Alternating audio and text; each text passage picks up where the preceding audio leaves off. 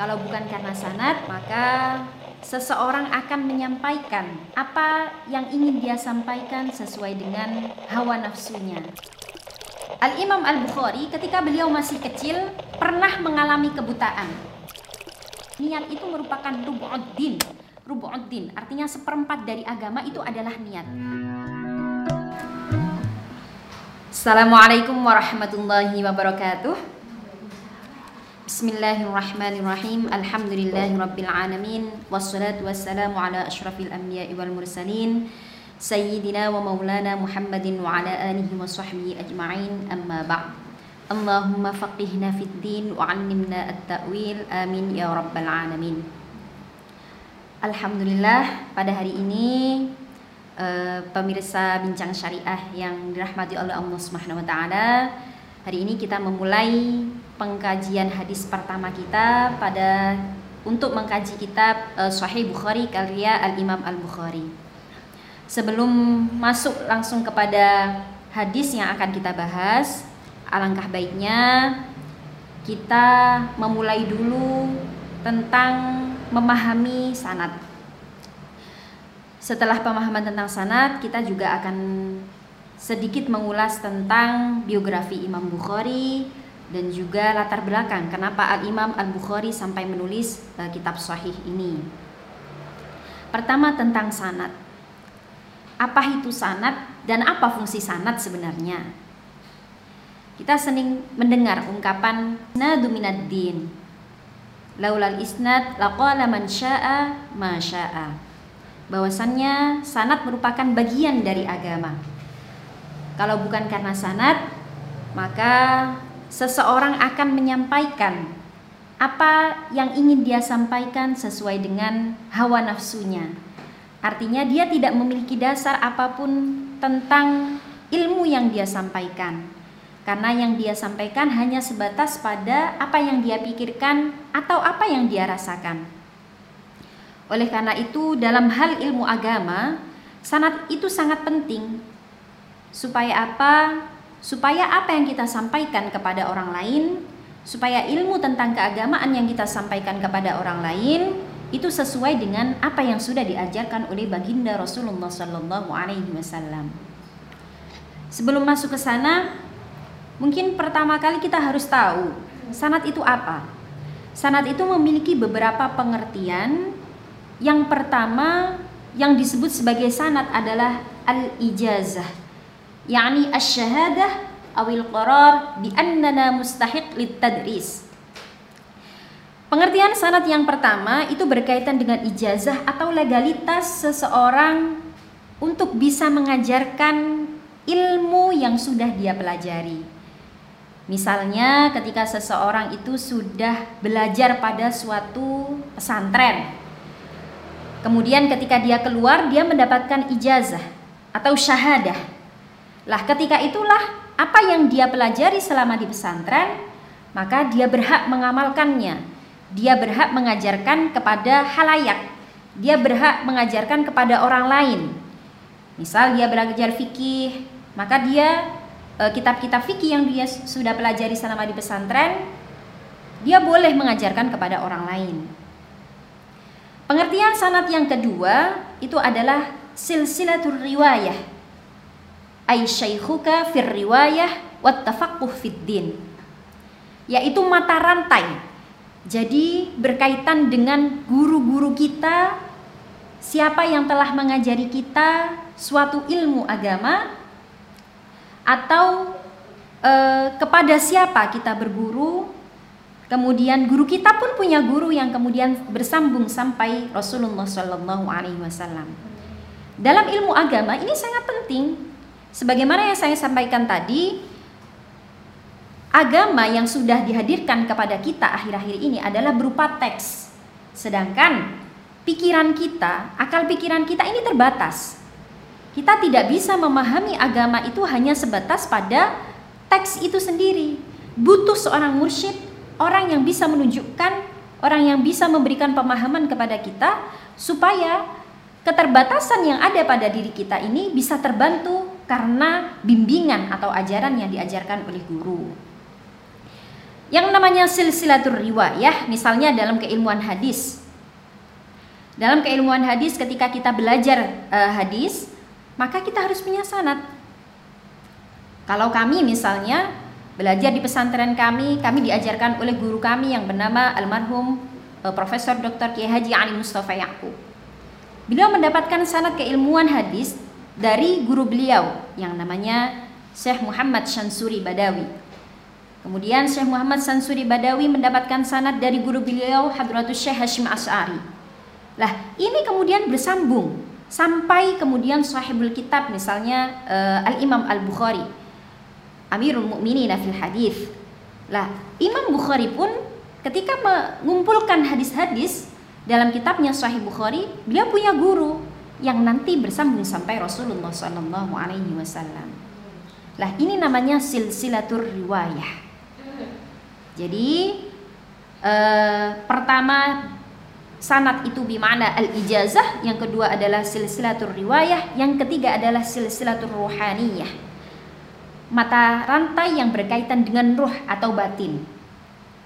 Hada yata'allaq uh, bil akhlak wa tarbiyah. Jadi yang terakhir ini biasanya berkaitan dengan uh, akhlak atau lebih tepatnya uh, kepada tazkiyatun nafs, pembersihan diri uh, pengertian yang terakhir ini lebih kepada tasawuf ya. Kalau pengertian yang pertama dan yang yang kedua itu lebih kepada pemahaman pemahaman keagamaan yang meliputi keilmuan fikih, keilmuan hadis, tafsir dan lain sebagainya. Dan yang terakhir, yang ketiga itu lebih kepada uh, pemahaman terkait tentang ilmu tasawuf.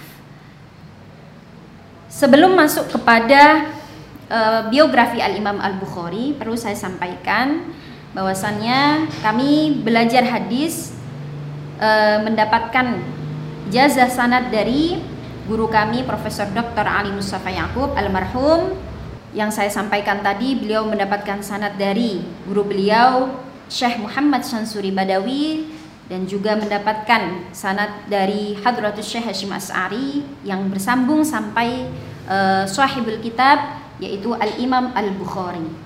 Kami juga berguru kepada guru kami yang bernama Al-Ustadz Ad-Duktur Ar-Razi Hashim yang beliau mendapatkan sanad juga dari uh, Kiai Ali Mustafa Yakub pun juga mendapatkan sanad dari Syekh Amin Kurdi yang sanad beliau bersambung sampai Sayyid Muhammad bin Alawi Al-Maliki dan juga bersambung kepada Musnidud Dunya yaitu Syekh Yasin bin Isa Al-Fadani. Semoga apa yang kami sampaikan ini masih sesuai dengan apa yang diajarkan oleh guru-guru kami. Itu adalah sekilas tentang pengetahuan tentang sanat ya. Jadi pentingnya sanat yang pertama itu tadi adalah menjaga orisinalitas dari agama supaya apa yang diajarkan itu sesuai tidak melenceng jauh dari apa yang sudah diajarkan oleh Nabi. Selain menjaga orisinalitas keagamaan, sanat juga bisa mengajarkan kepada kita untuk menghargai jasa guru-guru kita. Jadi penghargaan terhadap jasa guru tidak hanya sebatas tentang akhlak kita ketika bertemu dengan beliau-beliau, bersalaman, kemudian mencium tangan, atau e, merunduk ketika berjalan di depan beliau tidak, tapi juga mengajarkan apa yang sudah beliau ajarkan. Jadi itulah pentingnya kenapa ketika kita mengajarkan agama, kita harus memiliki guru. Meskipun kita dihadapkan pada era di mana kita sangat mudah untuk mencari informasi melalui Google, kemudian e, aplikasi-aplikasi yang lainnya, tapi ingat pikiran kita ini sangat terbatas sehingga tetap membutuhkan guru untuk menyampaikan atau memahami ilmu agama. Uh, sekilas itu tentang sanat ya. Selanjutnya kita akan membahas tentang Al Imam Al Bukhari. Jadi Al Imam Al Bukhari merupakan uh, salah seorang ulama hadis terkemuka yang berasal dari Bukhara atau sekarang merupakan uh, salah satu kota di Uzbekistan. Beliau ber, memiliki nama Muhammad bin Ismail bin Ibrahim bin Mughirah al-Ju'fi al-Bukhari. Al-Imam al-Bukhari ketika beliau masih kecil, beliau ini pernah mengalami kebutaan. Jadi ketika beliau masih kecil, orang tua beliau itu sudah wafat, ayah beliau itu sudah wafat. Dan ibunya yang bernama uh, Fatimah itu adalah seorang yang ahli ibadah. Jadi ketika suatu ketika hmm, beliau lagi di dalam rumah. Kemudian beliau mendengar teman-teman beliau lagi bermain di luar rumah. Beliau bertanya kepada ibu beliau, "Ibu, apakah yang sedang dilakukan oleh teman-teman saya saat ini?" Kemudian ibu beliau menjawab bahwasannya teman-temanmu saat ini lagi berlari-larian. Teman-temanmu saat ini lagi bermain-main. Ah, mendengar seperti itu, kemudian Al-Imam Al-Bukhari memiliki keinginan untuk bisa melihat. Pun ibunya, seorang ibu ketika eh, melihat anaknya tidak bisa bermain dengan teman-teman sebayanya, otomatis sangat sedih. Lah, dari situlah kemudian ibu beliau terus berdoa kepada Allah supaya putra beliau yang bernama uh, Muhammad ini bisa melihat dan bisa uh, bermain layaknya teman-temannya atau teman-teman sebayanya. Sehingga suatu ketika ibunya bermimpi bertemu dengan Nabi Yuna Ibrahim alaihi salatu wassalam. Di mimpi itu Nabi Ibrahim berkata, "Ya hadih." Maksudnya panggilan kepada uh, ibunya siapa Muhammad bin Ismail al-Bukhari bahwasannya qad raddallahu ala banaik ala ala basarahu Allah telah mengembalikan penglihatan anakmu. Kemudian suatu uh, ketika beliau ini terbangun beliau meneteskan air mata. Beliau terharu kemudian berdoa kepada Allah dan tiba-tiba Al Imam Al Bukhari ini lari kepada uh, Sayyidah Fatimah ini tadi dan memeluk beliau. Ibu kenapa engkau menangis? Dan saat itulah Al-Imam Al-Bukhari sudah bisa melihat betapa bahagianya ibunya saat itu sehingga kemudian setelah Al-Imam Al-Bukhari ini Al-Imam Al-Bukhari kecil bisa melihat akhirnya ibunya kemudian mengantarkannya ke majelis ilmu. Pada suatu ketika ketika beliau berusia uh, eh, 16 tahun, ibu beliau dan Al-Imam Al-Bukhari melaksanakan ibadah haji ke tanah suci Makkah bersama uh, saudara beliau yang bernama Ahmad dan kemudian uh, setelah melaksanakan ibadah haji itu ibu beserta saudaranya yang bernama Ahmad ini pulang ke Bukhara. Sedangkan Al-Imam Al-Bukhari kecil saat itu tetap tinggal di Makkah untuk mengkaji ilmu-ilmu agama. Kemudian apa yang melatar belakangi Al-Imam Al-Bukhari ini menuliskan kitab uh, Sahih Bukhari itu adalah ketika beliau beliau punya guru yang namanya Ishak bin Rahawai. Uh, ketika menghadiri majelis ilmu dari Ishak bin Rahawai ini mengatakan kepada seluruh hadirin yang ada pada di situ kepada murid beliau, murid beliau menyampaikan bagaimana arju minkum an taktub kitaban khoson fi Jadi saya berharap di antara kalian ini ada yang menuliskan kitab khusus yang membahas tentang uh, hadis-hadis sahih.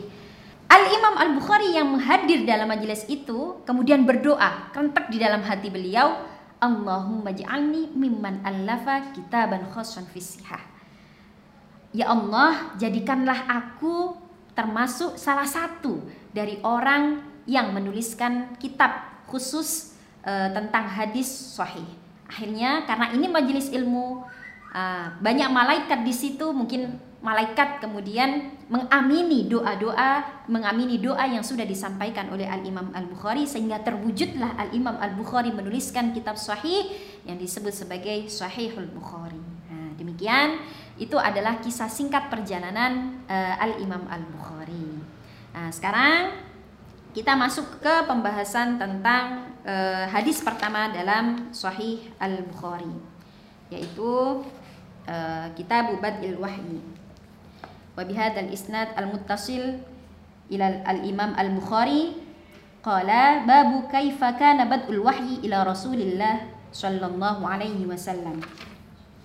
وبه إليه قال حدثنا الحميدي عبد الله ابن الزبير قال حدثنا سفيان قال حدثنا يحيى بن سعيد الأنصاري قال أخبرني محمد بن إبراهيم التيمي أنه سمع علقمة ابن وقاص الليثي يقول سمعت عمر بن الخطاب رضي الله عنه على المنبر قال سمعت رسول الله صلى الله عليه وسلم يقول إنما الأعمال بالنيات وإنما لكل امرئ ما نوى faman kanat hijratuhu ila dunya yusibuha aw imra'atin yankihuha fahijratuhu ila ma hajara ilaih jadi uh, Al Imam Al Bukhari pada bab pertama dalam Sahih Bukhari menyebutkan uh, tentang Kitab Badil Wahyi yaitu bab babu kaifakana badul wahyi ila Rasulillah sallallahu alaihi wasallam bab menjelaskan tentang permulaan wahyu datang kepada Rasulullah sallallahu alaihi wasallam.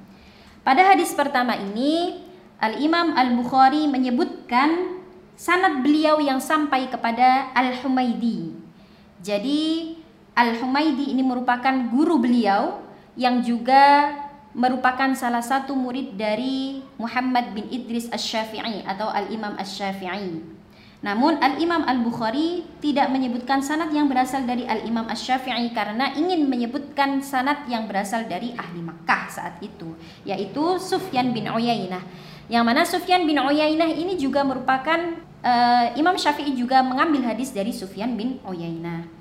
Di sini disebutkan kenapa kok Al-Imam Al-Bukhari menyebutkan uh, rawi pertama yaitu guru beliau Al-Humaidi karena Al-Imam Al-Humaidi ini merupakan Sayyidu Makkah. Beliau punya kitab namanya Musnad. Uh, kalau kita mendengar ada Musnad Imam Ahmad bin Hambal, beliau adalah uh, di Baghdad ya. Sayyidu Baghdad saat itu, maka Sayyidu Makkah saat itu adalah Al-Imam Al-Humaidi. Di sisi lain, uh, Ibnu Hajar Al-Asqalani menyebutkan, kenapa Al-Imam Al-Bukhari ini mengambil rawi pertama sebagai Al-Humaidi walahu munasabah ukhra li'annahu makkiyun ka syaikhihi fanasaba an yadhkura fi awwali tarjamati bad'il wahyi li'anna ibtida'ahu kana bi Makkah. Karena ini menjelaskan tentang bad'ul wahyi awal permulaan wahyu.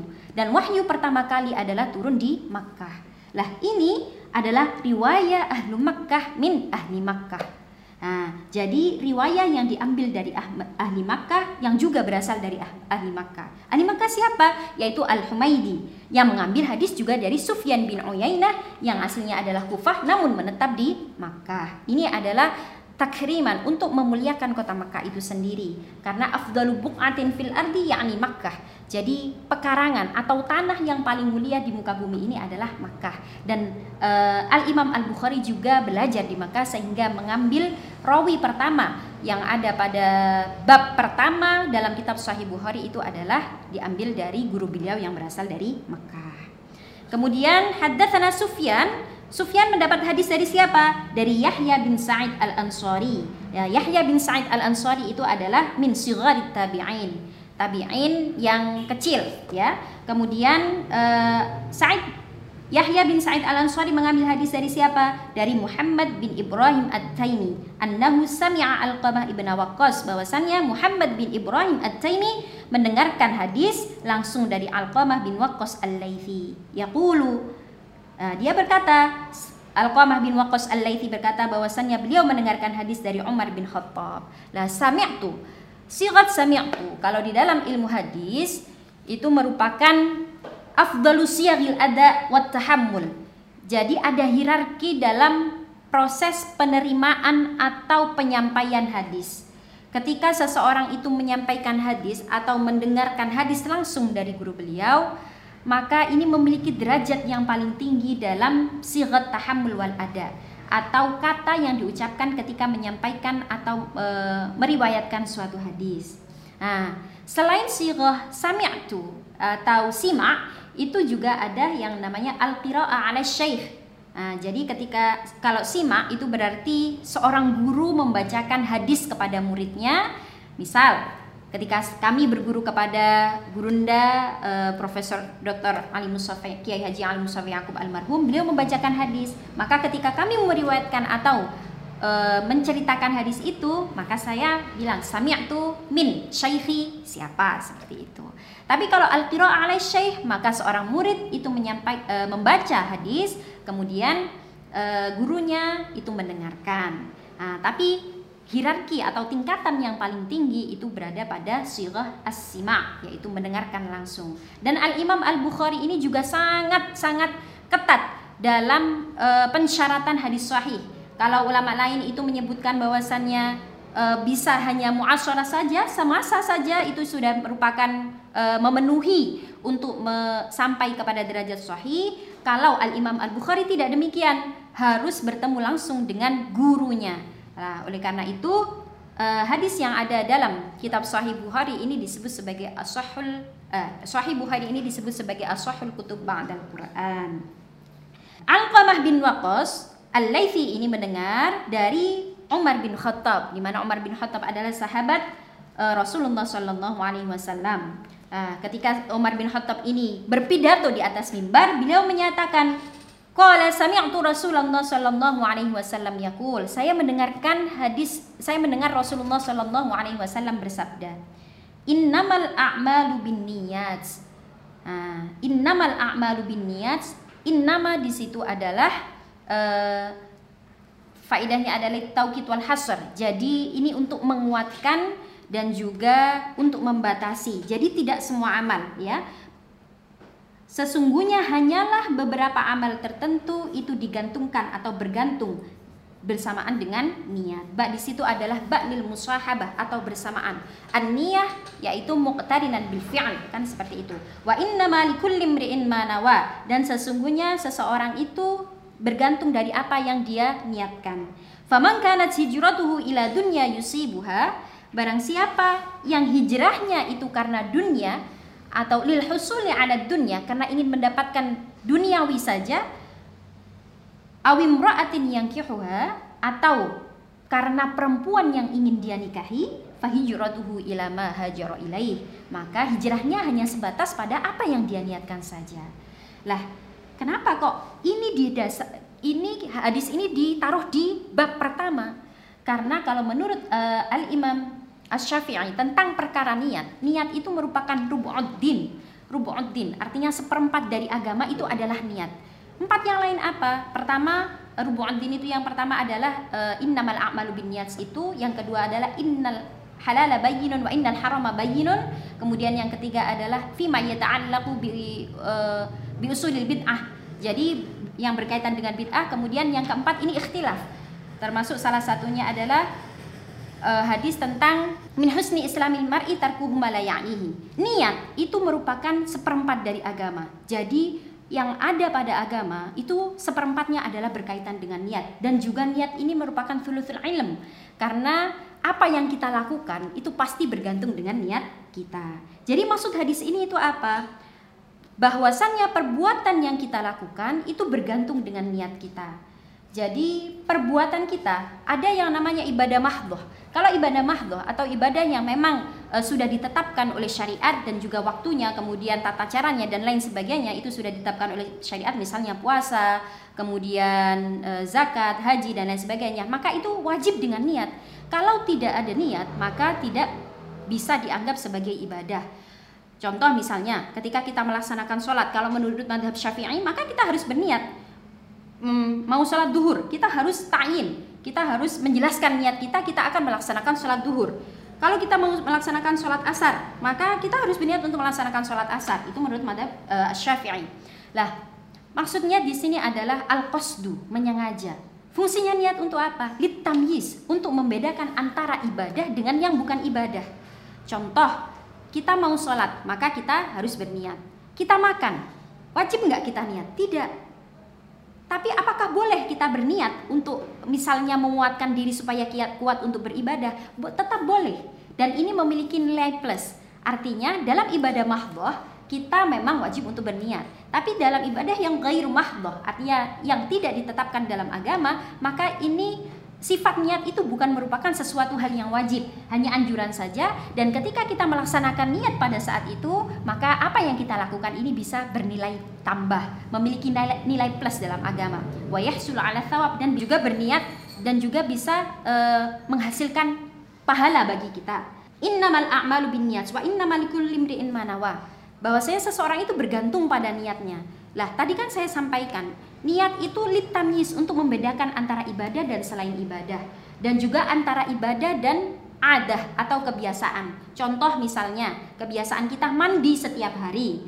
Lah, ini kan suatu mandi itu merupakan kebiasaan. Tapi ada mandi yang memang merupakan tuntutan agama, yaitu mandi wajib. Ketika kita mandi wajib dan tanpa berniat apakah yahsul ala ala hadha tidak apakah sampai kita ketika kita tidak berniat untuk mandi mandi janabah misalnya Apakah kemudian ibadah-ibadah kita sah setelah itu? Tidak. Karena niat itu adalah kunci atau gerbang untuk kebolehan melaksanakan ibadah-ibadah yang lainnya. Makanya ketika kita dihadapkan pada suatu hal yang memang itu adalah tuntutan atau syariat agama, maka kita harus melaksanakan niat. Namun ketika tidak, maka sifatnya itu bukan merupakan suatu kewajiban, hanya sebagai anjuran saja. Lah di sini Faman kanat hijratuhu ila dunya yusibuha aw imra'atin yankihuha fa hijratuhu ila ma hajara ilaihi.